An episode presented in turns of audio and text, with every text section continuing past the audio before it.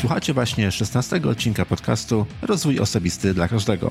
Audycji dla wszystkich zainteresowanych świadomym i efektywnym rozwojem osobistym. W imieniu Wojciecha Struzika, prowadzącego audycję, zapraszam serdecznie. Krystian Zych, jak zrobić podcast.pl Witam Was bardzo serdecznie. Dzisiaj zapraszam na rozmowę z Piotrem Budzkim, który wraz ze swoim wspólnikiem rozwinął firmę JLabs, ale rozwinął ją w sposób naprawdę genialny. Opowiada o tym naprawdę dość detalicznie, więc warto posłuchać, wynotować co bardziej interesujące dla Was fragmenty, po to, aby być może jeśli prowadzicie biznes albo macie taki zamiar, uniknąć błędów, które czy o których opowiada Piotr. Dzieli się tym naprawdę dość otwarcie. Oprócz tego, że zapraszam Was do rozmowy, przypominam tylko, że do końca kwietnia trwa cały czas konkurs na najciekawszy, najfajniejszy komentarz na iTunes. Więc jeśli jeszcze tego nie zrobiliście, macie jeszcze na pewno kilka dni czasu na to, żeby to nadrobić i wystartować w konkursie o książkę. Ciekawą książkę, tyle powiem, nie zdradzę tytułu. Mam ich kilka i wybiorę taką, która będzie, myślę, do, tej, do tego komentarza najlepiej odpowiadała, najbardziej będzie do, do tego dopasowana. Żeby więcej nie przeciągać, bo rozmowa osobiście bardzo mi się podobała, to już powiedziałem, trwa godzinę, więc warto naprawdę skupić się na tym, co opowiada Piotr i jakie wartości z tego jesteście w stanie wyciągnąć dla siebie. Więc miłego słuchania i wszystkiego dobrego dla Was. Cześć Piotrze, bardzo dziękuję Ci za przyjęcie mojego zaproszenia. Cześć, dzięki za zaproszenie w ogóle. No i przyjemność po mojej stronie. Będziemy sobie taki polski wersjal teraz uprawiali i będziemy sobie nawzajem dziękowali. Dokładnie, dokładnie. Dobrze, Piotrze, na wstępie, nie przeciągając e, niesamowicie, powiedz kilka słów o sobie. Ja jestem w tej chwili wiceprezesem, współzarządzającym firmę, którą współstworzyłem, czyli współstworzyłem, współtworzyłem i współtworzę wraz z moim wspólnikiem i, i która w tej chwili zatrudnia około 300 osób.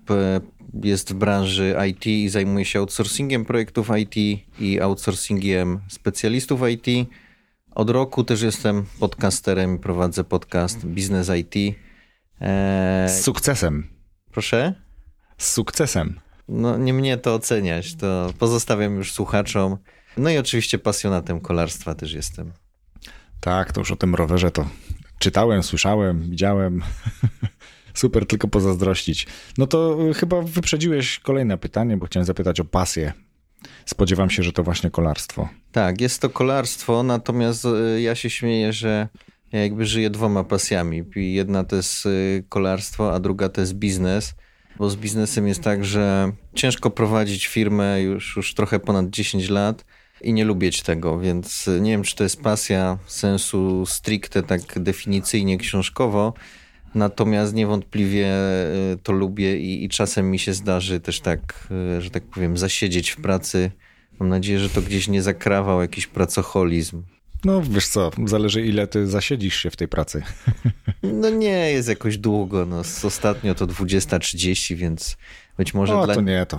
Tak, być może dla Na resztę, na resztę wieczoru wypisujesz urlop.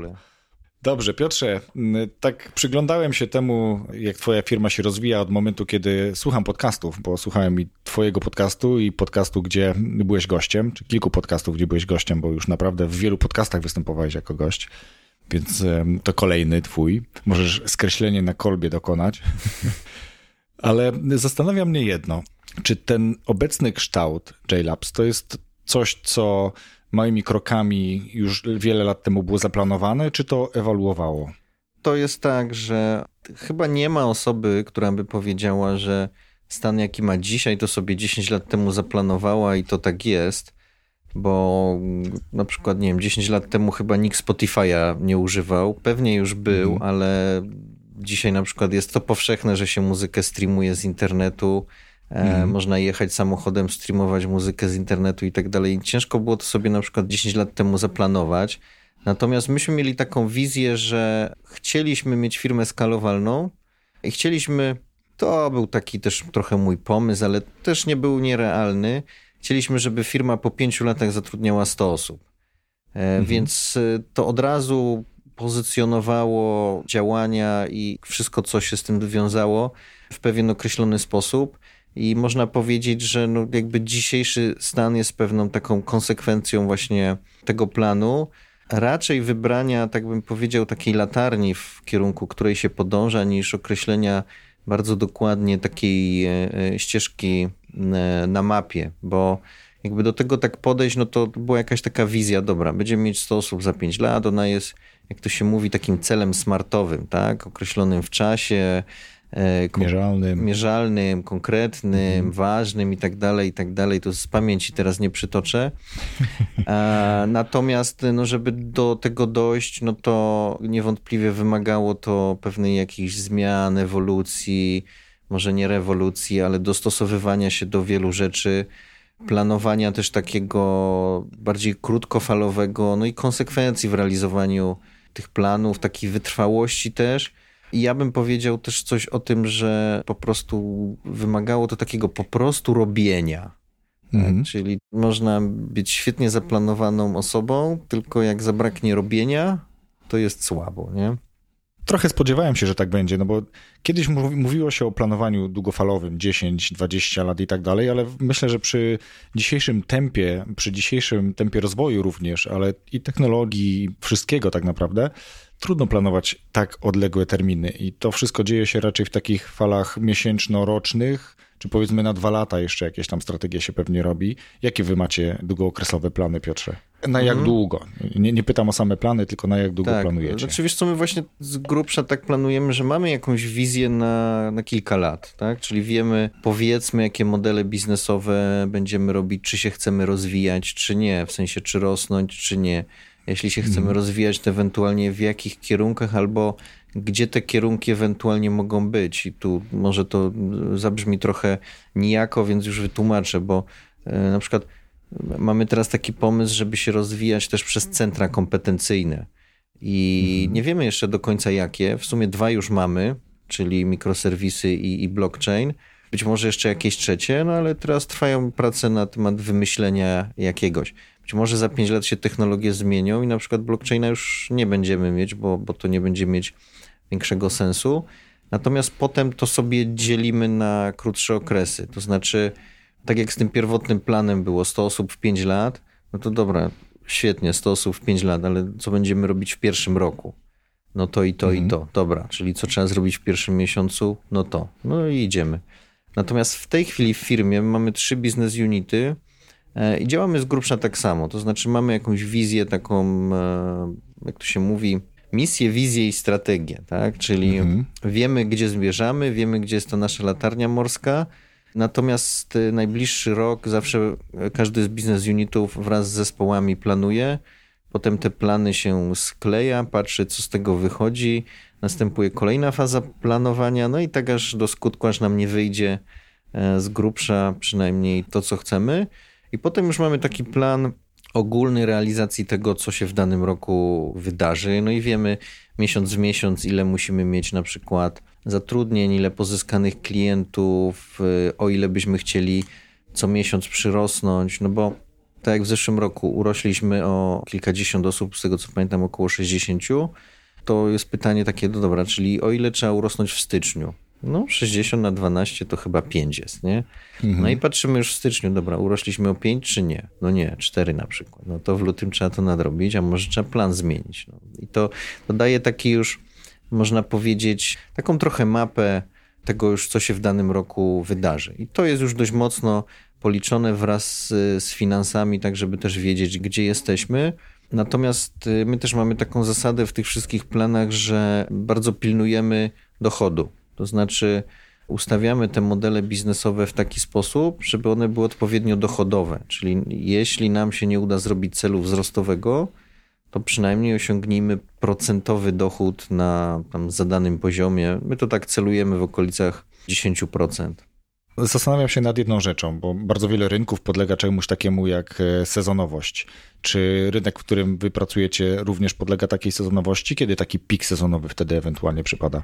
Wiesz, dlaczego pytam? Bo to jest tak, że w każdym praktycznie rynku, czy to usług, czy sprzedaży produktów, jest coś takiego, że albo jest za mało, albo jest za dużo. No nie da się tak trafić, wiesz, w tip-top, nie? Więc albo masz y, jakąś nadwyżkę tych zasobów, albo masz pewnie jakieś tam okresowe niedobory. No i pytanie, czy to jest związane z jakąś sezonowością? Jest pewna sezonowość, ale ona nie jest zbyt duża. To, to nie jest taka sezonowość, jak na przykład jak w e-commerce. E, tak, albo na przykład na jak ze... październik, listopad, grudzień. Dokładnie, albo tak jak na przykład ze sprzedażą, nie wiem, e, strojków świątecznych, no, albo sprzedajesz tak. w święta, albo wcale. Tu są pewne fluktuacje, je można przy planowaniu zaniedbać. To znaczy, pró mhm. próbowaliśmy na bazie poprzednich lat je uwzględnić w planowaniu, ale to było więcej zamieszania niż potem po prostu uznanie, że no dobra, no możemy mieć miesiąc, który jest y, niezgodny z planem, możemy mieć miesiąc, który jest ponad plan, no ale patrzymy, czy, czy ta linia, która jest y, krzywa, oscyluje wokół tej prostej, którą sobie y, gdzieś tam zaplanowaliśmy. Tendencji. Tak. Bo to jest mhm. trochę tak jak ze statkiem, nie? że statek płynie po jakimś kursie do jakiegoś celu, no ale on nigdy nie popłynie najkrótszą możliwą trasą. Oczywiście się stara i tak dalej. Pe Są rafy, prądy. Tak. Pewnie mhm. z systemami GPS jest trochę łatwiej mam nadzieję, że nas y, nie słuchają jacyś y, y, spece od żeglowania, bo się może okazać, że jakieś herezje wygaduje, no ale... Tak, tak. Ignoranci dwaj. Tak, ale, ale zawsze wydaje mi się, że ta droga nie jest taka idealnie krótka i, i zresztą mhm. drugi taki prosty przykład, no każdy z nas gdzieś jedzie na wakacje i planuje sobie trasę, no to, to też obserwuje i widzi, czy przyjedzie za późno, za wcześnie i, i to, że w jakimś miejscu, nie wiem, nie było korka, to nie oznacza, że w innym nie będzie. No i to w sumie jakoś się raczej uśredni, nie? Mhm. Ale ja myślę, że w tym biznesie możecie sami też częściowo wpływać na, na, na, regulację tych pików, tak? Bo albo macie zasoby na to, żeby zapewnić e, potrzebę rynku, albo świadomie z, z tego rezygnujecie, no bo nie będziecie jakby szli na ilość, e, tracąc jakość, tak? No bo mając swoich ludzi, których e, delegujecie do, do projektów czy do zadań w tych e, gałęziach biznesu, w których jesteś, no to nie chcesz zapewnić za wszelką cenę tego, żeby zrealizować projekt, ciągnąc z rynku kogoś, na kim nie możesz pewnie polegać. Nie zdążyłeś przetestować, sprawdzić, więc siłą rzeczy no, rezygnujecie zapewne z jakichś projektów, z jakichś zleceń. Wiesz co, to poruszyłeś dwa tematy. jeden to jest taki, że no zawsze jest albo za dużo, jak to się mówi, wyprodukowanego towaru. Nie, nie chcę tak mówić mm -hmm. o mhm. ludziach, ale tak trochę od, y, odłączę ten problem od naszego biznesu, albo z drugiej okay. strony za dużo klientów. E, no i myślę, że wszystkie firmy, czy, czy usługowe, czy produktowe się z tym borykają. No może poza firmami software'owymi, czy, czy jakimiś wiem, aplikacjami w chmurze, gdzie tych loginów można po prostu dołożyć. No i trzeba po prostu tą produkcją, w cudzysłowie produkcją w naszym przypadku zarządzać. Drugi problem, jaki poruszyłeś, to jakość. No i u nas jest tak, że nie, nie tylko w tych jakby sezonach takich wygodniejszych dla nas to jakość trzymamy, tylko po prostu zawsze, więc y, mhm. to jest jakby wtórna rzecz. Natomiast ta pierwotna jest taka, że no świadomie i z doświadczenia już wiemy, jak zarządzać i sprzedażą, i rekrutacją, tak żeby zawsze możliwie dużo zapotrzebowań klientów y, obsłużyć, zamknąć. No i też jakby jeśli mamy kandydatów w procesie, czy pracowników, no to pracownicy, żeby mieli zawsze pracę, a kandydaci w procesie, jak się trafią jacyś fajni, no to żeby zawsze znaleźli zatrudnienie, a nie odchodzili z kwitkiem. No i to wymaga pewnego tam doświadczenia i wymaga też aktywności w zależności od sytuacji albo większej po stronie rekrutacji, albo większej po stronie sprzedaży po prostu. Piotrze, teraz chciałem zapytać o taką rzecz, która z kolei dla wielu wydaje się być oczywista, ale obawiam się, że dla większości nie jest. Bo znaczy, mamy taką erę, kiedy zarówno młodzi ludzie, jak i my już też pewnie jesteśmy przyzwyczajeni do czegoś takiego, co ładnie się nazywa natychmiastową gratyfikacją, czyli chcemy natychmiast widzieć postęp naszej pracy, chcemy już widzieć efekt. No i teraz y, patrząc na Twoją firmę, to nie jest firma, która powstała w ubiegłym roku ani dwa lata temu. Więc żeby tym wszystkim, którzy myślą, że to jest takie hop pstryk, otwieram sobie biznes i go mam i on mi się świetnie rozwija. Nie zawsze tak było, ty już o tym opowiadałeś, ale jakbyś jeszcze raz mógł tak choćby pokrótce powiedzieć, jak wyglądały początki, bo sam na dziesiątych urodzinach mojej wielkiej firmy powiedziałeś, że to ty sam siebie na początku podnajmowałeś, więc był taki moment. Bo mam wrażenie, że firmy szybko rzucają się na ciekawe projekty, zapominając o bardzo wielu ważnych aspektach. Ty mówiłeś bardzo ciekawie o skalowalności, może później trochę do tego nawiążemy, ale żeby powiedzieć im, że początki są ciężkie, albo jakie są początki, jak się do tego dobrze przygotować, żeby uzbroić się w cierpliwość, co to jest cash flow i dlaczego to jest ważne. Tak, może trochę za dużo powiedziałem, ale wiesz o co mi chodzi, myślę. Mhm. Ja myślę, że w ogóle prowadzenie firmy, czy to na początku, czy, czy później jest y, po prostu ciężkie. I, I to nie chodzi o pracę jakby fizyczną, machanie y, łopatą, czy, czy po prostu takie fizyczne zmęczenie, tylko po prostu jest ciężkie. W naszym przypadku ja odszedłem z etatu w 2008 roku, tak z grubsza początkiem e, i tak naprawdę mieliśmy taką ideę, żeby zrobić software house, który robi projekty, no produkuje software na zamówienie. Mhm. Już mieliśmy jeden projekt nagrany, no i po zrobieniu tego projektu, czyli 4 miesiące później, mógłbym siebie nazwać bezrobotnym, tak? Czyli odszedłem z fajnego etatu, tak? Był fajny etat, ja się tam dobrze w tej firmie czułem. Można powiedzieć, że też oczywiście w Polsce to się nie powinno, ale zarabiałem przyzwoite pieniądze i 4-5 miesięcy później byłem e, bezrobotnym, dlatego że zapomniało nam się w naszym software house sprzedawać. Teraz z tej perspektywy wydaje mi się to mocno naiwne i może też czasy były inne, może to się inaczej sprzedawało, znaczy może trudniej było wtedy jak teraz, nie wiem, to, to ciężko już tak analizować. E, natomiast no, zaczęliśmy poszukiwać różnych modeli biznesowych, no i któregoś dnia ja to wymyśliłem, spisałem. E, no i, że tak powiem, styknęło nam to. Pamiętam, jak z Excelem, takim planem biznesowym, Wszedłem do mojego wspólnika, on mówi tylko, no wiesz co, tu nie doliczyłeś kosztów, tam nie doliczyłeś kosztów, no, ale w sumie to się spina tylko, tylko przy 20 osobie. Ja mówię, no to się szybko musimy wyskalować i tyle. No i tak to się mniej więcej y, zaczęło w, w sensie takim, że ten model biznesowy był wymyślony gdzieś początkiem 2010 roku, więc można powiedzieć po startupowemu teraz to by się nazywało, że zrobiliśmy pivot, tak? Czyli nie mogliśmy mm nie mogliśmy, nie udało nam się zrobić software house'u, to zmieniliśmy usługę na udostępnianie naszych specjalistów do projektów naszych klientów. W żargonie nazywa się to po prostu body leasingiem. Dość specyficznym. Tak. Tak. Bo już bardzo konkretnych, wyedukowanych ludzi e, leasingujecie, prawda? To tak, nie jest człowiek, tak. który pójdzie siedzieć na kasie albo pakować paczki, tylko on musi naprawdę mieć pewnego rodzaju określoną jasną wiedzę. Y, dokładnie, bo my no, zaczynaliśmy w branży IT i po prostu w tej branży IT pozostaliśmy, więc y, to jest właśnie body leasing branży IT, tak? I mhm. no, z ciekawostek, bo też, też o tym e, mówiłeś, to z ciekawostek, to jak zaczęliśmy, no to przez rok i cztery miesiące nie wypłacaliśmy sobie wynagrodzenia, mimo tego, że firma była rentowna, dochodowa i się rozwijała, po prostu pieniądze były potrzebne na cash flow. A cashflow to takie coś, że musisz najpierw zapłacić e, swoim pracownikom i wszystkie rachunki, a potem uprzejmie czekasz, aż klienci popłacą e, faktury. No i generalnie bywa z tym problem, no bo musisz założyć na to e, jakieś pieniądze. W ogóle też tak jakby powiedzieć, to pierwsze lata zawsze w prowadzeniu firmy to jest, ktoś dobrze kiedyś nazwał, że to jest taka walka o przeżycie. Czyli powiedzmy odchodzisz etatu, może zamykasz inną firmę, zaczynasz nową, no i sprawdzasz tak naprawdę, czy twój model biznesowy w ogóle działa. Zatrudniasz trochę ludzi, próbujesz coś, coś zrobić, no i to albo zaskoczy na rynku, albo nie. Jak nie, no to masz dwa wyjścia, albo po prostu spektakularnie zbankrutujesz, albo trzeba coś zmienić, bo tak naprawdę ani nie zbankrutowałeś, ale też się to nie, e, nie rozkręciło. No i jak ten okres przetrwasz, no to się po prostu zaczyna taki okres rozwoju, gdzie firma jest y, w miarę powiedzmy stabilna, dochodowa i w jakiś sposób ją rozwijasz. No niekoniecznie to wymaga skalowania w ludziach, choć często tak jest. Dobrze nawiązałeś do tego, że firma się nie, nie wzięła jakby z, nie jest to rok, dwa pracy. Mm, ja bym tu też y, naszych słuchaczy odesłał do, do robienia, tak może w cudzysłowie, zadania domowego, i popatrzenia, kiedy były rozpoczęte firmy, które obecnie są powiedzmy, może nie Netflixami, nie Spotify'ami i, i nie Googlem. I Facebookami. Tak, ale, ale na przykład, y, nie wiem, no Brand24 albo y, na przykład kiedy zaczynał Michał Szafrański, który jest takim soloprenerem, tak, ale de facto mhm. jest też firma.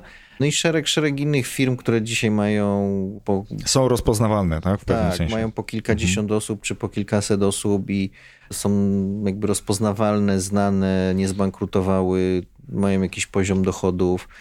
No ostatnio rozmawiałem, co to wyszło w jednym z ostatnich odcinków mojego podcastu, no to rozmawiałem z Radkiem Cholewą, no to, to oni zaczynali, jak dobrze pamiętam, w 2011, nie? Więc to tak, to pierwsze parę lat, no to jest takie wykuwanie tego modelu biznesowego, wykuwanie w detalach, ale też zapoznawanie rynku z sobą, no bo to zawsze wymaga po prostu jakiegoś czasu.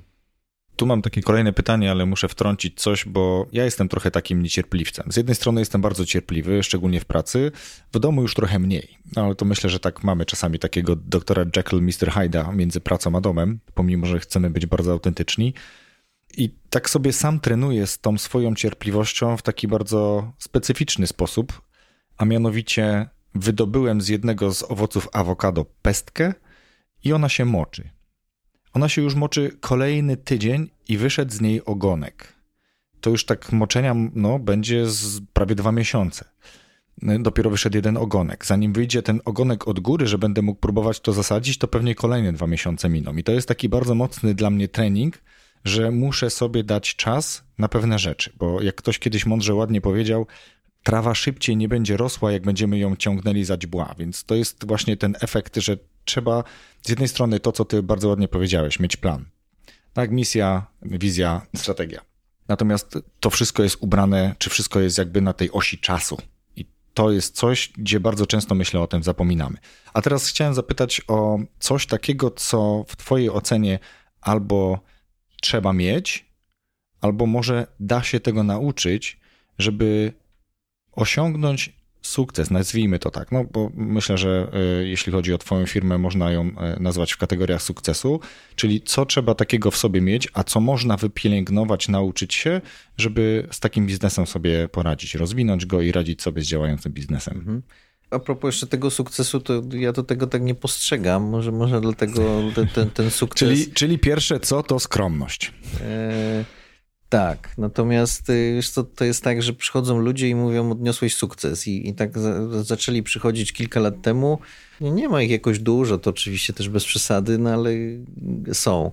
E, ja mówię, no, no nie wiem, no uruchomiliśmy firmę, rozwijamy ją, no przychodzimy codziennie w cudzysłowie do pracy, robimy swoje, rozwiązujemy problemy, mamy chęć na więcej, no i to się jakoś tak rozwinęło, nie? Więc y, jakby z, z tym pytaniem, co trzeba mieć w sobie, a czego się trzeba nauczyć, Wiesz co, nie wiem, co trzeba mieć w sobie i, i no, też jakieś badania były takie, chyba jest nawet taka książka napisana, gdzie autor przebadał iluś tam, nie wiem, milionerów, czy miliarderów, czy coś takiego i chyba nie wysnuł jednego wniosku konkretnego.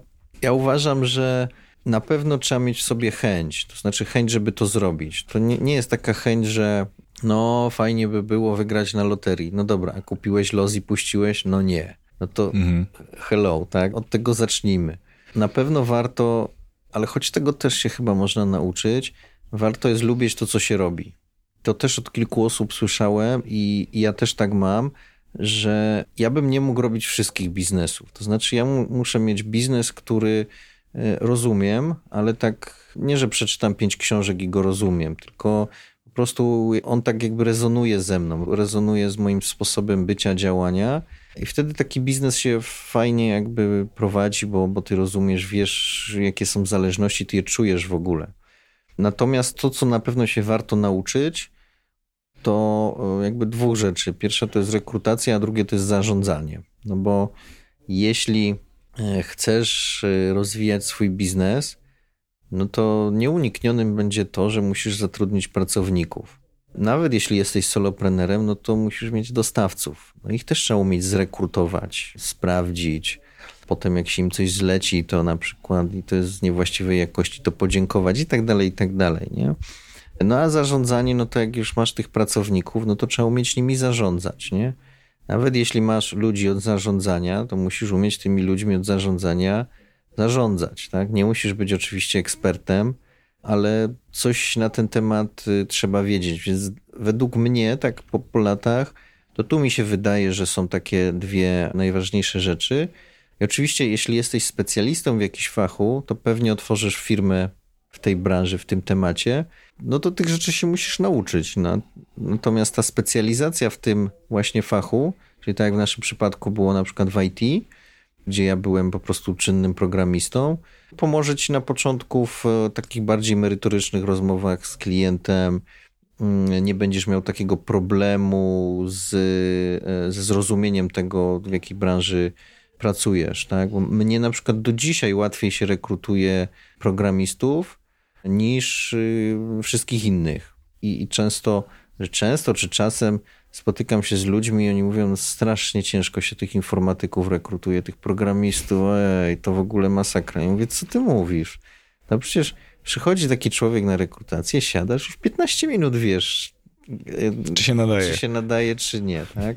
czy potrafi. Tak, ale ja to wiem, bo sobie umiem zrobić jakąś projekcję do, do wydarzeń, które były w przeszłości, tak? Do wydarzeń, które były, nie wiem, na studiach, w iluś projektach, w których brałem e, udział i umiem sobie to jakoś skorelować i na, na, na bazie tego wyciągnąć wnioski, tak? Ja poznałem pewnie dziesiątki programistów, z którymi pracowałem i wiem, jacy oni byli, co z tego wyniknęło w projekcie, który z nich na przykład, nie wiem, zaciągał dług techniczny, a który nie, który był dobry, mhm. który zły. No i mnie jest dużo łatwiej, nie? Natomiast ktoś, kto po prostu no, nie ma zielonego pojęcia, nie wiem, jak się programuje na przykład w Javie i co to jest w ogóle Java, no to jest czarna magia, no i, i, i tutaj zrobić tą weryfikację kompetencyjną, ale też charakterologiczną będzie dużo, dużo trudniej. Jesteście taką firmą, e, Piotrze, która z jednej strony leasinguje projekty, leasinguje ludzi, ale ten rynek jest, jakby to powiedzieć, chyba najbardziej elastyczny, jeśli chodzi o coś takiego, co my w Polsce chyba cały czas mamy trochę z tym problem. Mam tu na myśli pracę zdalną. Jak to wygląda u ciebie? Jaki duży udział tych e, ludzi, którzy pracują, jeśli wiesz, jeśli ma, prowadzicie takie statystyki, mhm. jak wiele osób pracuje zdalnie, na ile sobie możecie pozwolić, że jakaś tam część tego personelu, 30-50% pracuje zdalnie, a część musi być na miejscu? Statystyk nie prowadzę, natomiast na oko to jest tak, bo są dwie rzeczy w zakresie pracy zdalnej. Jedno to jest tak zwany home office, czyli trochę mhm. jesteś w biurze, trochę jesteś zdalnie. I u nas jest z grubsza taka zasada i też u naszych klientów, że to są dwa do trzy dni w tygodniu. Niektórzy klienci mają zero, ale są jakby w mniejszości. Niektórzy mają jeden ten dzień, też są w mniejszości. E, my mamy dwa, zasadę 2 do 3, tak mniej więcej. Też się oczywiście waha. Natomiast y, u nas jest tak, że jeśli chodzi o w ogóle pracę zdalną, no to mamy trzy business unity. Dwa są związane z udostępnianiem pracowników do projektów naszych klientów. Jeden jest w Krakowie, drugi jest w Warszawie. I tam jedną z cech, za jakie klienci nas cenią, jest to, że my w Warszawie dostarczamy ludzi, którzy mieszkają w Warszawie i mogą pracować w firmach warszawskich. No i oczywiście z dokładnością do tego home office'u, no to są w stanie po prostu prawie że codziennie przyjeżdżać do biura w Warszawie, no bo nie wiem, wsiadają w metro, tramwaj, autobus, idą na piechotę, cokolwiek, bo mieszkają w tym samym mieście. I to jest jedna z naszych przewag konkurencyjnych i my po prostu tak działamy i w Warszawie, i w Krakowie. Natomiast jeśli chodzi o outsourcing projektów, czyli trzeci business unit, no to klienci są z zagranicy, pracownicy są u nas w biurze, no i tam mają e, home office. No więc e, tu z perspektywy Twojego pytania, nie wiem, czy to się kwalifikuje pod pracę zdalną, czy nie, bo tak naprawdę to my jako firma dostarczamy tą usługę, którą wykonują tutaj na miejscu nasi pracownicy, natomiast no, klienci są zdalnie, więc e, jeśli byśmy to uznali za, za pracę na odległość, powiedzmy, no to w tej chwili jest to, mm, tak szybko policzę, trochę więcej jak jedna piąta, może jedna czwarta osób. Tej pracy, która jest wykonywana zdalnie. Tak. Jedna piąta. Tak. Mhm, Okej. Okay. Wiesz to trochę tak podpytuję, dlatego że mam wrażenie, że bardzo często ta praca zdalna, ona nie jest, znaczy nie tyle nie jest możliwa, ona jest możliwa do wykonania w wielu innych firmach, nie tylko e, w tej e, z rynku IT. Natomiast polscy pracodawcy tak trochę do tego podchodzą jakby to powiedzieć, jak pies dojeżdża, bo myślę, że tutaj jest coś, co u nas też kuleje, czyli podstawowy element, który jest związany z tą pracą zdalną, czyli zaufanie. I w momencie, kiedy nie mamy tego zaufania, no to ciężko nam się zgodzić na tą pracę zdalną. Jak myślisz, czy to, że w Polsce podchodzimy dość sceptycznie do pracy zdalnej jest wynikiem tego umiarkowanego zaufania, jakie u nas y, obowiązuje? wydaje mi się, że to jest tak, że pracy zdalnej trzeba się nauczyć. I to nie jest takie naturalne, że odbywamy spotkanie, w którym, mówię na przykład spotkanie, w którym połowa uczestników spotkania siedzi w salce, a druga połowa jest w cudzysłowie wdzwoniona jakimś Skype'em czy innym narzędziem. Jest dla ludzi mocno nienaturalne, nie są przyzwyczajeni do takiej pracy.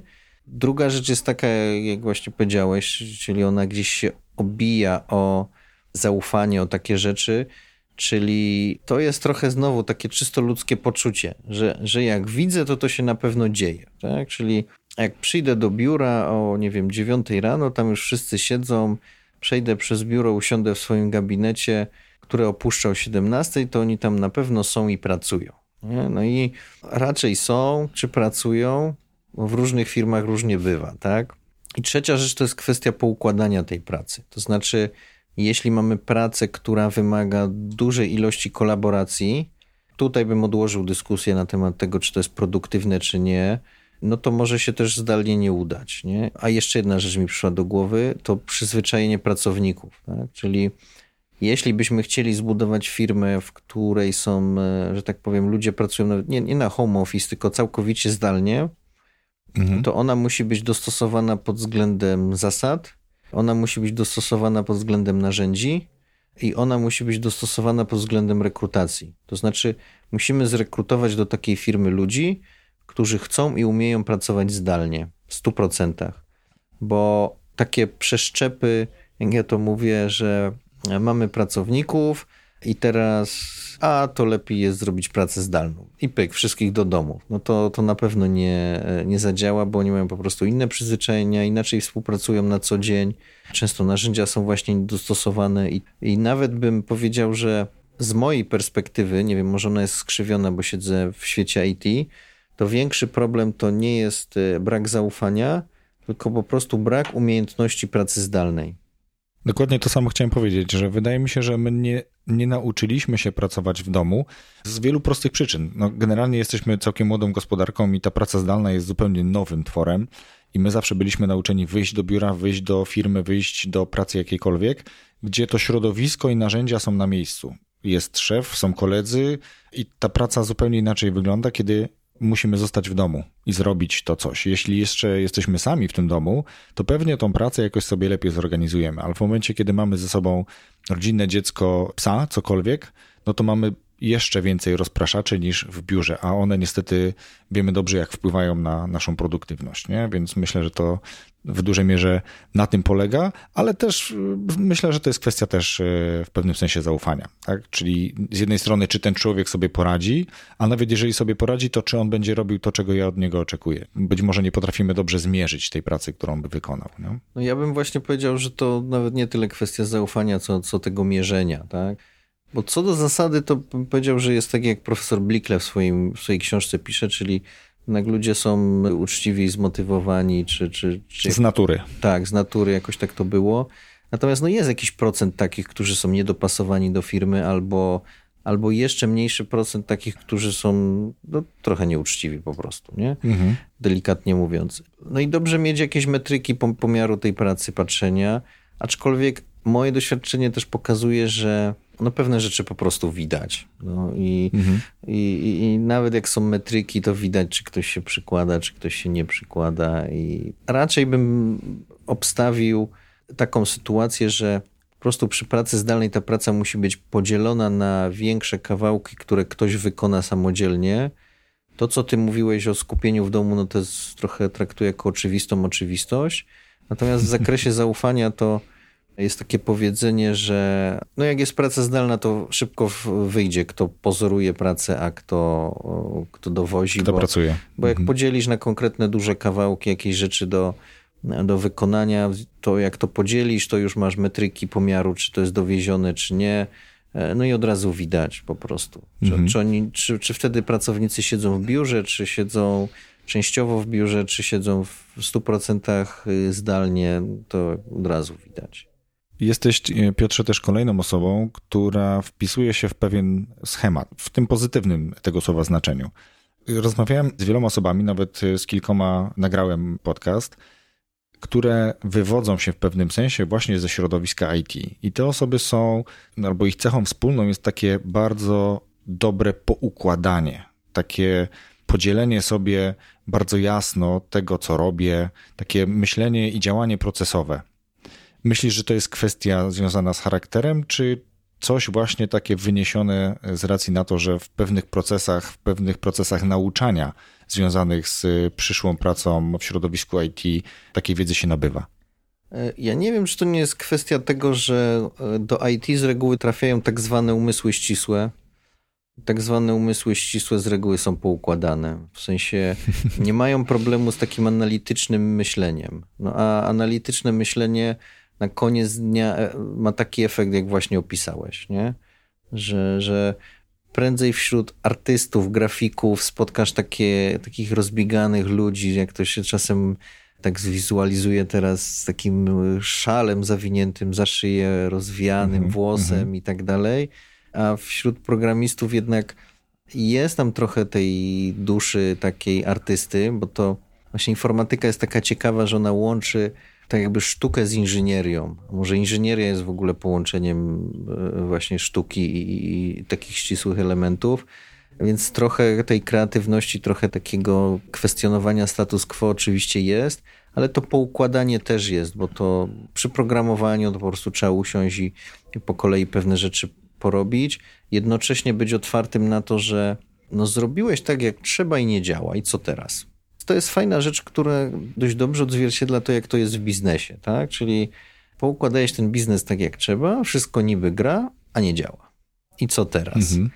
No i teraz trzeba wyjść ze swojej strefy komfortu i pomyśleć, co można zrobić, może nie szablonowo, a może się kogoś zapytać, a może na jakimś forum przeczytać. No wszystko, co teraz mówię, to jest typowa praca programisty, tak? Po prostu jak ktoś, kto programuje, próbował programować bez użycia na przykład internetu, to od razu widać, że po prostu zaraz się pytasz o coś Google'a, sprawdzasz na forach, sprawdzasz w jakiejś dokumentacji. No nie trzymasz całej dokumentacji na komputerze, bo by tego było za dużo. Musisz być otwarty na nowe rzeczy, bo się pewne rzeczy zmieniają i, i to po prostu pomaga biznesie tak y, z jednej strony poukładać sobie to wszystko, podejść do tego właśnie tak y, procesowo być może nawet, a z drugiej strony szukać rozwiązań tam, gdzie, tam, gdzie jest problem. Mhm. Jeszcze jedna rzecz przychodzi mi do głowy. Tak sobie rozmawiamy o artystach i o inżynierach, i w momencie, kiedy przychodzi czasem do wyspecyfikowania pewnych rzeczy, do opisania, jak się coś dzieje, to myślę, że też można rozróżnić po tym, jak ta notatka później wygląda. W momencie, kiedy jest to osoba, która jest y, bardziej humanistyczna, powiedzmy ta artystyczna, to najczęściej te rzeczy są wypisane gdzieś tam w punktach. To jest 1, 2, 3, 4 i tak dalej, i tak dalej.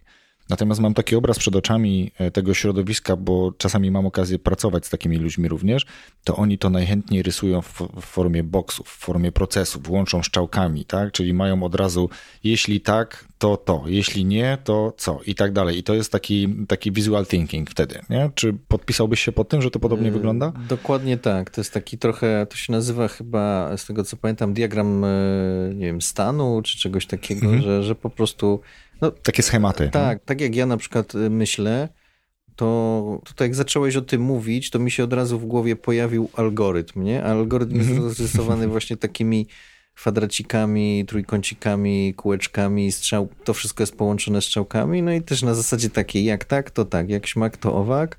Dokładnie. I tworzy się od razu pewnego rodzaju instrukcja, tak? Bo tak. to później w bardzo prosty sposób można przenieść i jest to model, który w takim przedsiębiorstwie, takiej firmie jak twoja i w mniejszych również i w większych działa najlepiej, czyli jeżeli coś się dzieje albo coś się powtarza kilka razy, to warto do tego już mieć instrukcję, nie?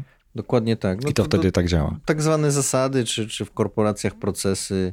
E, mhm. Tak, no takie myślenie analityczne czy algorytmiczne zdecydowanie to y, ułatwia. Dużo się mówi teraz w, w tych czasach o czymś takim, nie, nie, bardzo lubię takie zapożyczenia, ale to się nazywa bodajże work-life balance, dobrze powiedziałem? Czyli mhm. takiej równowagi między tym życiem zawodowym a życiem prywatnym. Ty na wstępie powiedziałeś, że twoją pasją jest rower. Później powiedziałeś również, że tworzysz podcast. Mam wrażenie, że on troszeczkę też jest taką równowagą, czy daje poczucie takiej równowagi. Z jednej strony jesteś jeszcze trochę w pracy, bo bardzo często nawiązujesz do tego, a z drugiej jednak robisz to zupełnie jakby z boku, tak to nazwijmy. Jak myślisz, na ile to jest potrzebne ludziom, żeby mieć czas dla siebie po pracy, ale taki definitywnie po pracy? Bo to jest naj, największy problem, myślę, przedsiębiorców, którzy nie potrafią wyjść głową z pracy. E, dokładnie masz rację. To znaczy, e, po pierwsze, zacząłbym od definicji pojęć. To znaczy, ja, ja podobnie jak Piotrek Nabielec, też nie lubię stwierdzenia work-life balance, bo to oznacza, że twoje życie się składa z dwóch rzeczy, z work i life, nie? Więc ja bym wolał takie powiedzenie life-life balance, tak? I e, ja na work-life balance to mówię, jak ktoś mnie zirytuje, na przykład tym, że jakby to powiedzieć, no miał coś zrobić, a nie zrobił, a w sumie się, nie wiem, miał zrobić, a poszedł do kina, tak? I ja wtedy prześmiewczo mówię, że tego oczywiście w żartach, że no tak, tak, work-life balance, nie? Natomiast wracając jakby do, do, do głównej części tego pytania, to ja bym narysował tutaj taką historię, to znaczy jak ludzie są na etacie, to oczekują takiego podejścia, że będą mieć elastyczne godziny pracy, nikt ich nie będzie kontrolował i wszystko będzie grało. Jak z kolei już odchodzą z tego etatu, zaczynają swoją firmę, no to oczekują takiego podejścia, że, no, że mają już ten elastyczny czas i wszystko jest super i nagle zaczynają pracować, że tak powiem, od rana do wieczora, po prostu to życie im się zaczyna przeplatać z tą pracą, oni nie wiedzą w ogóle, kiedy pracują, kiedy odpoczywają, kiedy są na zakupach, po prostu ten wiecznie dzwoniący telefon i tak dalej, i tak dalej. Komputer zabierany na urlop. Też to robię jeszcze. E, znaczy mówię jeszcze, mam nadzieję, że się wyleczę. A potem przychodzi ten taki etap otrzeźwienia, że ty stwierdzasz, dobra, ale z pracy trzeba kiedyś wyjść. I to nie oznacza fizycznego opuszczenia biura, ale to oznacza jakieś takie właśnie zakończenie tej pracy i ty zaczynasz sobie układać ten kalendarz zupełnie tak samo, jak miałeś poprzednio na etacie, tak? Czyli przychodzisz do pracy o określonej godzinie, wychodzisz z grubsza o określonej godzinie, zaczynasz sobie bukować w kalendarzu czas dla rodziny i tak dalej. No właśnie po to, żeby w świadomy sposób tym e, zarządzać i w świadomy sposób nie popaść w jakiś e, pracoholizm, bo wydaje mi się, że mógłbym wrzucić taki dość duży kwantyfikator, czyli powiedzieć, że większość przedsiębiorców, którzy odnieśli sukces, zwyczajnie lubi swoją pracę. I oni po prostu muszą włączyć tą świadomą część mózgu, żeby to kontrolować, bo żeby pracować, trzeba też odpoczywać. Tak? Nie da się być produktywnym bez odpoczywania. I to jest też istotne i po prostu jakby po tym przejściu etat, praca i, i, i znowu poukładanie życia, no to, to dochodzi się do tego, więc yy, no, dokładnie jest tak, jak mówisz. Czyli to od razu dobrze jest sobie na wstępie założyć. Wiadomo, że na początku trzeba bardzo dużo zainwestować również siebie, swojego czasu i czasu, który normalnie poświęcilibyśmy dla rodziny, na to, żeby rozwinąć biznes, ale trzeba później mieć ten wentyl, żeby z powrotem włączyć to planowanie tego czasu dla rodziny. I tutaj chciałem przejść do tego, o czym trochę chciałem zahaczyć na samym początku, o ten rower. Jak czujesz, że gdyby to nie był rower, to by było coś innego? Na pewno coś by musiało być chyba, tak? E, wiesz co, nie wiem, bo to jest takie jak gdyby. Nie ma czegoś takiego jak gdyby. A jakbym nie wystartował mhm. firmę, to co bym robił? No nie wiem, może mhm. bym siedział na etacie albo robił inną firmę. Jakbym e, nie jeździł na rowerze, to nie wiem, może na nartach bym jeździł, może bym się w skałkach spinał. Ale do, do tego nawiązuje, że musi być to coś drugiego. Musi być to coś, co właśnie pozwala tobie wyłączyć to myślenie. Być może o firmie właśnie, trochę dać sobie coś dla ciała, dla ducha innego niż to życie zawodowe. Ja nie wiem, czy musi. To znaczy, ja mam, okay. ja na pewno bym coś robił, bo ja jestem wiecznie taki niespokojny mnie doby brakuje i najchętniej bym sobie kupił nie wiem, starego Mustanga i go odrestaurował, ale po prostu jak policzyłem, ile to godzin czasu zajmuje, to, to sobie dałem na wstrzymanie, bo to, to zajęłoby mi nie wiadomo ile czasu. Znaczy na bazie tego wolnego czasu, co mam teraz, czyli prawie wcale. Więc pewnie bym się czymś zajął. A czy to musi być? Nie wiem, mi to dobrze robi. Wiele osób mówi, że im to też dobrze robi, a, a czy to musi być? To pewnie zależy. Natomiast na pewno jak czujesz, że po prostu gdzieś jesteś tą pracą, bo to niezależnie, czy jesteś przedsiębiorcą, czy jesteś na etacie, ale czujesz, że ta praca cię po prostu, jesteś nią opętany i w ogóle w wolnej chwili włączasz komputer, żeby na pięć maili odpisać, no to to jest ten sygnał, że no warto może coś innego porobić, nie? Choćby, choćby warto ze, poszukać. Mhm. Tak, choćby ze znajomymi na piwo gdzieś wyjść, czy cokolwiek, nie? Jasne. Często też nawiązujesz do książki Roberta Kiyosakiego. Takie mamy chyba już poczucie, że nie wiadomo do końca, albo są różne teorie co do tego, co tak naprawdę dało majątek Robertowi Kiyosakiemu. E, ja tą książkę Biedny tata, e, bogaty, bogaty ojciec, biedny ojciec, chyba taki jest tytuł, mm, przeczytałem i zgadzam się jakby z tym, o czym ludzie mówią i ty również, że nawet jeżeli to nie jest prawda, to co on tam jakby w tej książce opisał, że tak to wyglądało, to jednak jest tam wiele takich mądrości ponadczasowych, które warto wykorzystać. Jak podchodzisz do, do tej książki? Ja bym zaczął od takiego wstępu, że jest takie powiedzenie, że jak uczeń jest gotów, to mistrz się znajdzie. I ja uważam, mhm. że tak samo jest z książkami. To znaczy, jeśli jesteś gotowy na jakąś książkę, to ona do ciebie trafi. Bo Kiyosakiego im parę lat wcześniej pokazywał w pracy kolega i tak o, przeleciało to jakoś, nie? Natomiast parę lat później to po prostu siadło. Mnie nie interesuje w ogóle, czy Kiyosaki jest biedny, czy jest bogaty, czy on w tym, co pisze, ma rację, czy on nie ma racji, czy to jest naukowo udowodnione. To, to nie jest książka o fizyce, nie? To nie jest jedyna książka, która jest ci dana w życiu do przeczytania o biznesie i wiesz, na takiej zasadzie, że możesz przeczytać jedną książkę o biznesie, która to będzie, nie? No nie, możesz mhm. przeczytać 100 książek o biznesie, tak? Możesz zacząć jedną przeczytać 10 stron, a drugą przeczytać od deski do deski. I u mnie to było tak, że na tym momencie życia mnie to jakoś e, tak po prostu zaskoczyło. To znaczy, nie zaskoczyło, że, że w takim sensie, że to była jakaś wiedza taka, która wow, nie wiedziałem, tylko y, zaskoczyło wraz z moimi myślami, tak? Trochę tak jak silnik w samochodzie zaskakuje, o. To było tak, że ja już miałem trochę przemyśleń, tylko one były trochę tak jak pszczoły w ulu, nie? One latały, nie chciały się ułożyć w jedną całość i wtedy ta, ta, ta książka mi pomogła to po prostu jakby tak poukładać, nawet nieświadomie, tylko podświadomie.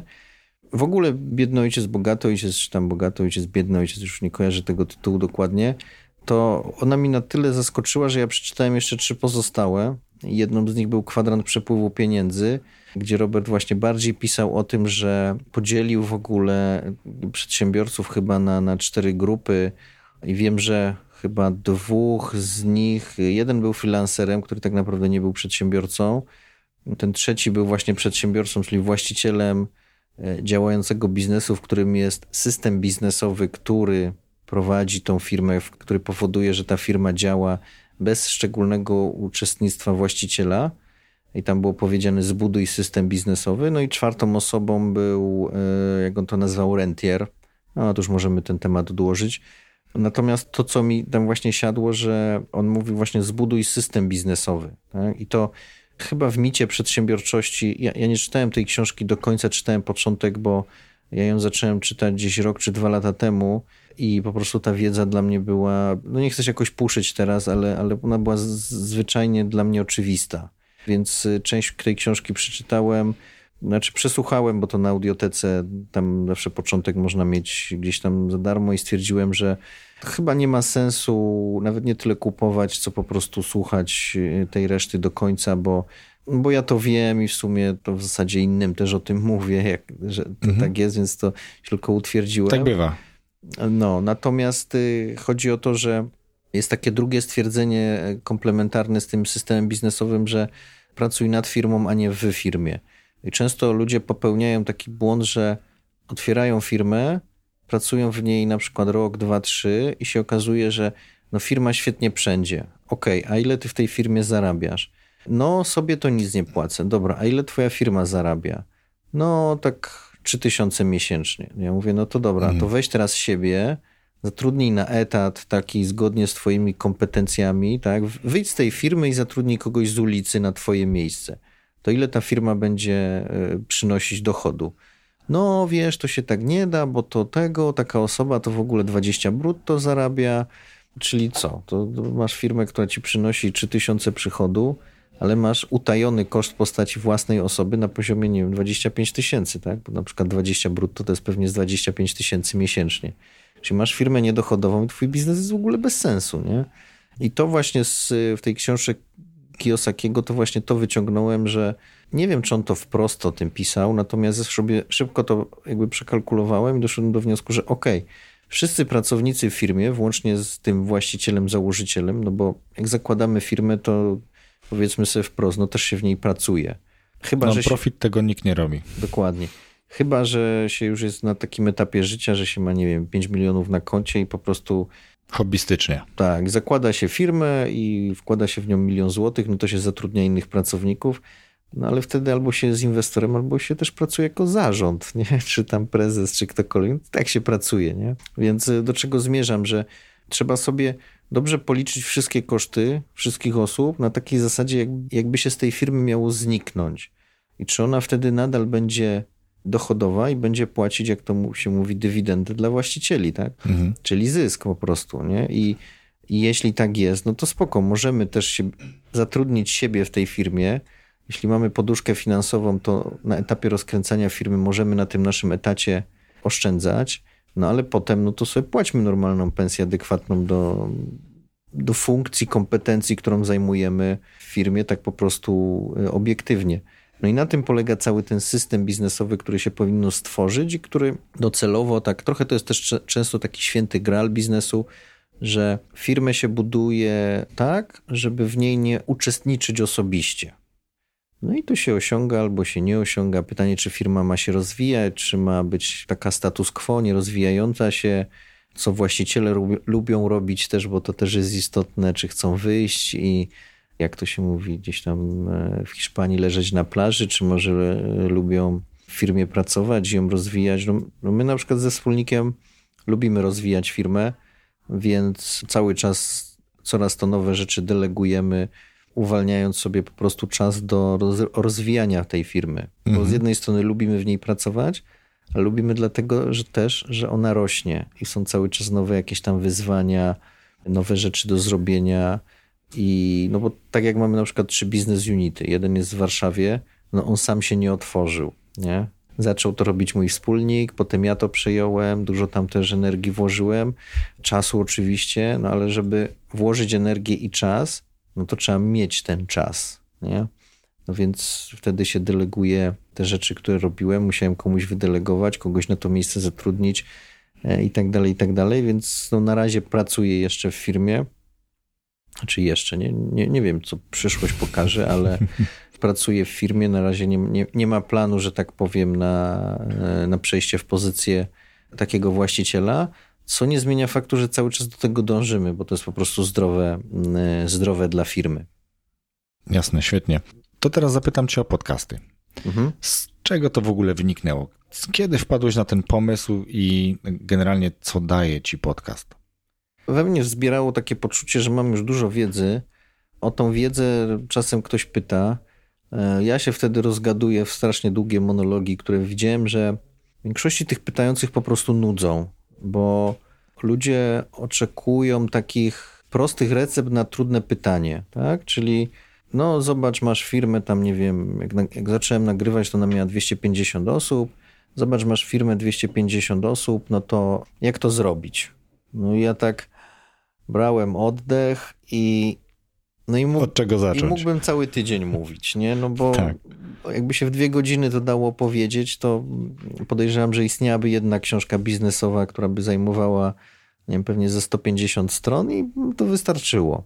No więc stwierdziłem, że tak, dobra, ta wiedza jest potrzebna, niekoniecznie wszystkim i zawsze. Ja w sumie mam takie trochę egoistyczne pragnienie trochę się nią podzielić, Dlatego też u mnie co drugi podcast jest, jak ja to nazywam, solo monologiem. To podobno jest nie po polsku, ale to jest taka trochę dla mnie żartobliwa. Ale wiadomo o co chodzi. Tak, to jest taka trochę żartobliwa dla mnie nazwa, że po prostu siadam przed mikrofonem i sam z sobą się produkuję, tak? I, I, co drugi podcast jest właśnie taki, który gdzieś wyrzucam te fragmenty swojej wiedzy po prostu w formę audio, a co drugi podcast jest wywiadem, no bo to też jest dla, dla słuchaczy ciekawe oraz ja też nie mam wiedzy na każdy temat, więc staram się zapraszać gości takich, którzy uzupełniają tą moją wiedzę. Czyli o, na przykład y, był podcast o rekrutowaniu przez wartości.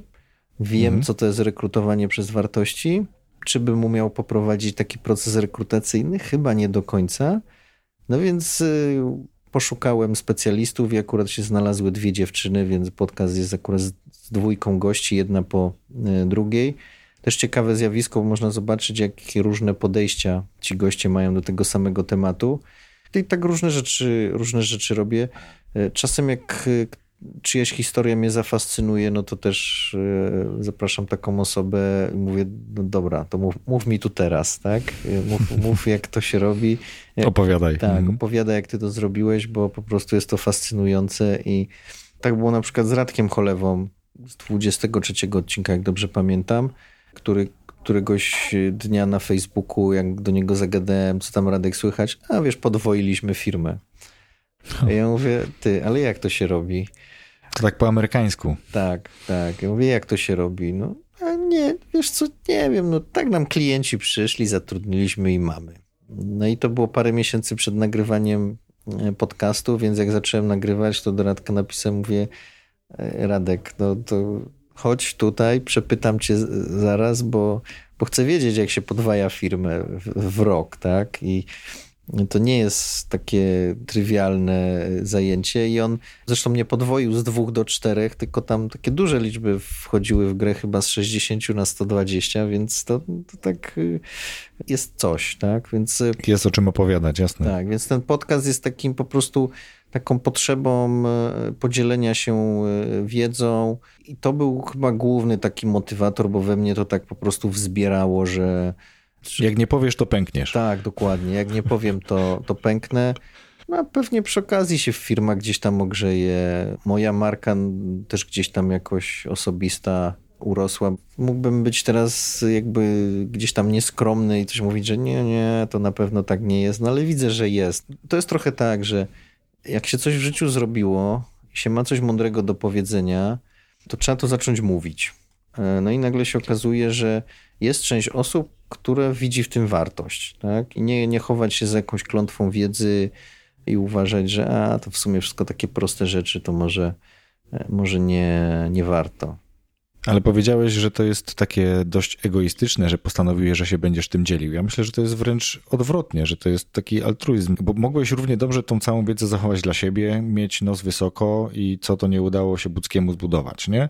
Natomiast ja bardzo szanuję wszystkich takich, ciebie również, za to, że właśnie bardzo chętnie, otwarcie opowiadają o rzeczach, za darmo, bo to trzeba podkreślić, w podcastach jest to za darmo, opowiadają rzeczy i historie, za które naprawdę gdzieś w świecie płaci się całkiem przyzwoite pieniądze.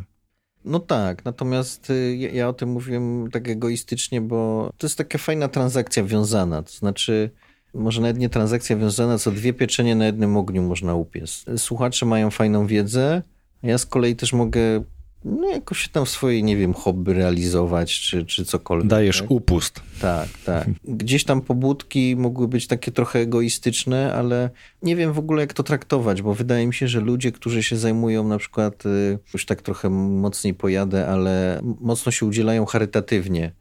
Ja myślę, że oni też jakieś swoje w cudzysłowie egoistyczne pobudki i y, realizują. Znaczy, czują wewnętrznie taką potrzebę, żeby to robić a jednocześnie po prostu pomagają innym, nie? Że to jakby to może gdzieś tak, tam... w tym kontekście cię rozumiem, roz... tak. jasne. Mhm. Słuchałem ostatnio właśnie takiego podcastu z Impodelabiria mm, z Anną Dymną, która właśnie pięknie opowiadała strasznie wzruszający odcinek o tym, jak pomaga w swojej fundacji.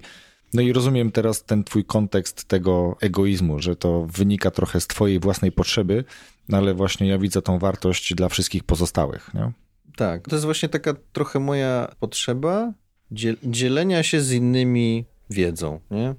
Świetnie. Bardzo dobrze, że to robisz, bo tak jak powiedziałem, no, równie dobrze można to zatrzymać. Natomiast y, warto, warto się tym y, dzielić i uświadamiać ludziom coś, co z jednej strony to powiedziałeś, jest to klątwa wiedzy. Myślisz, że wszyscy wiedzą to, co ty. A tak naprawdę tak nie jest. Ja przekonałem się całkiem niedawno, mój podcast jest całkiem świeży, wystartowałem w styczniu. Jeden z takich pierwszych, powiedzmy, odcinków o notatkach, bardzo się go obawiałem, mówię o tym już chyba kolejny raz, wystartował i jest numerem jeden, nie? Z jakby wszystkich odcinków, łącznie z tymi gośćmi, gdzie jakby szczególnie go nie promowałem w żaden sposób. To po prostu no, temat, tak jak sam powiedziałeś, chycił, tak? Ludzie chcieli o tym posłuchać. Piotrze, mówiliśmy chwilę o książkach, e, konkretnie Kiyosakiego, a ja bym ciebie chciał zapytać, e, tak powolutku zmierzając ku końcowi naszej rozmowy, bardzo interesującej, notabene, bardzo miło mi się z tobą rozmawia, ale zwykle pod koniec pytam swoich gości o to, jakie książki lub jakiekolwiek inne materiały poleciliby takim osobom, które gdzieś są zainteresowane takim samodoskonaleniem, rozwojem osobistym, jakkolwiek to nazywać. Mhm. No, no, nie wiem, jakkolwiek, to dobrze to powiedziałeś, jakkolwiek to nazywać, więc ja bym wrzucił trzy takie pozycje. Ja lubię w ogóle wrzucać takie pozycje, które może nie są takie super zawsze oklepane i podawane na wszystkich stronach, u wszystkich blogerów do tu to przeczytaj. Choć zacznę, Top 10. Tak, tak. Choć zacznę od takiej, która jest, ale ona naprawdę jest dobra i, i to jest rework. I to mocno rezonuje też z takim powiedzeniem, z angielskiego to jest eliminate, automate, delegate, czyli elimin, eliminuj, automatyzuj, deleguj, nie? Czyli, czyli zanim wydelegujesz, zastanów się, czy się to da zautomatyzować, a zanim się będziesz zastanawiał, czy to się da zautomatyzować, to zastanów się, czy można tego w ogóle nie robić. Bo często jest tak, że, że, że biznesy obrastają taką hubą trochę, można powiedzieć, Zresztą życie nam te, też trochę tak obrasta. W biznesach to jest trochę łatwiej, szczególnie tych dobrze dochodowych, że a w sumie to chcielibyśmy coś zrobić, nie do końca wiemy po co, ale fajnie, bo konkurencja to ma, nie mamy kim, to zatrudnimy dwie osoby i wydelegujemy. A tymczasem można mhm. by powiedzieć, nie, nie róbmy tego wcale, albo zróbmy to inaczej, albo zautomatyzujmy coś, albo cokolwiek.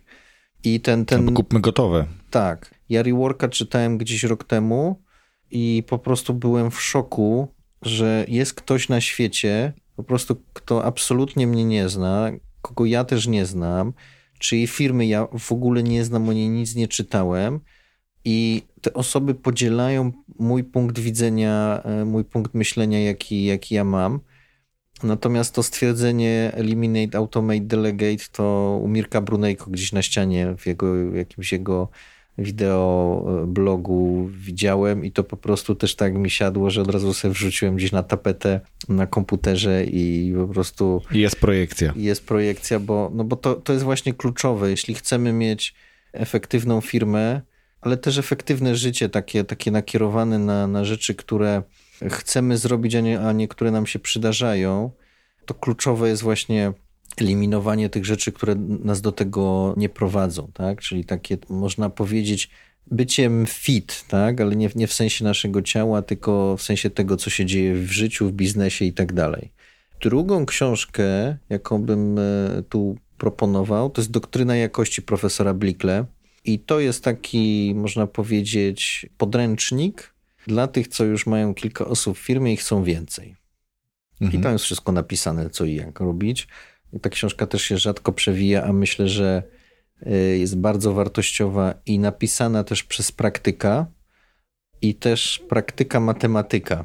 Więc to tak. Mhm. Ale takiego też, który jest y, rozpoznawalny w tym środowisku dość popularny, nawet nagrałem odcinek z Łukaszem Solarskim o turkusowych y, przedsiębiorstwach, o turkusowym modelu zarządzania. Doktor Blichler też nawiązuje w swoich pracach do tego. Nie? Dokładnie. Natomiast, żebyśmy też mieli jasność, doktryna jakości nie jest o tym, jak z naszej firmy zrobić firmę turkusową. Oczywiście. Tylko jak to wszystko się tam e, po prostu odbywa, jak ludzie myślą o systemach premiowych, o sposobach pochwalenia kogoś na przykład, tak? O, Motywowania. O, o mhm. poukładaniu procesów. No, tam jest mnóstwo tego, po prostu to można czytać kilkakrotnie i, i za, za każdym razem sobie coś e, wyciągnąć. Ciekawa propozycja. Mhm. Tak. I trzecia, nie książka, ale książki.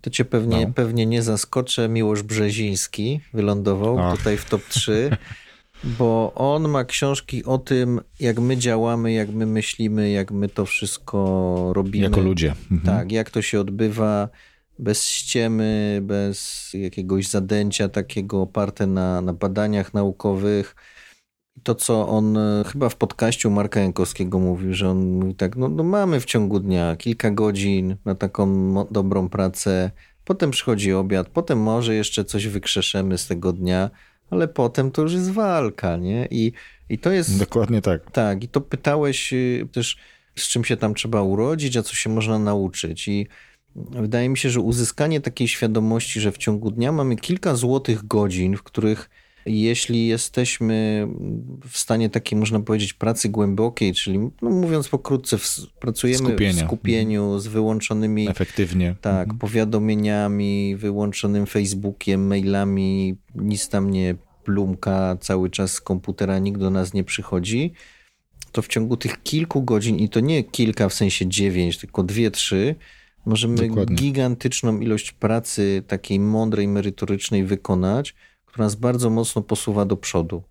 I na bazie tej wiedzy ja sobie zacząłem na przykład układać dzień tak, że nie jestem jeszcze w tym mistrzem, ale zacząłem układać sobie tak, że do lunchu to jest czas pracy głębokiej, a po lunchu mhm. jest czas kolaboracji. To jest najprostsza taka wskazówka związana z produktywnością, jaka może być, tak? Bo dużo się mówi o produktywnościach, o tam notesach, planerach.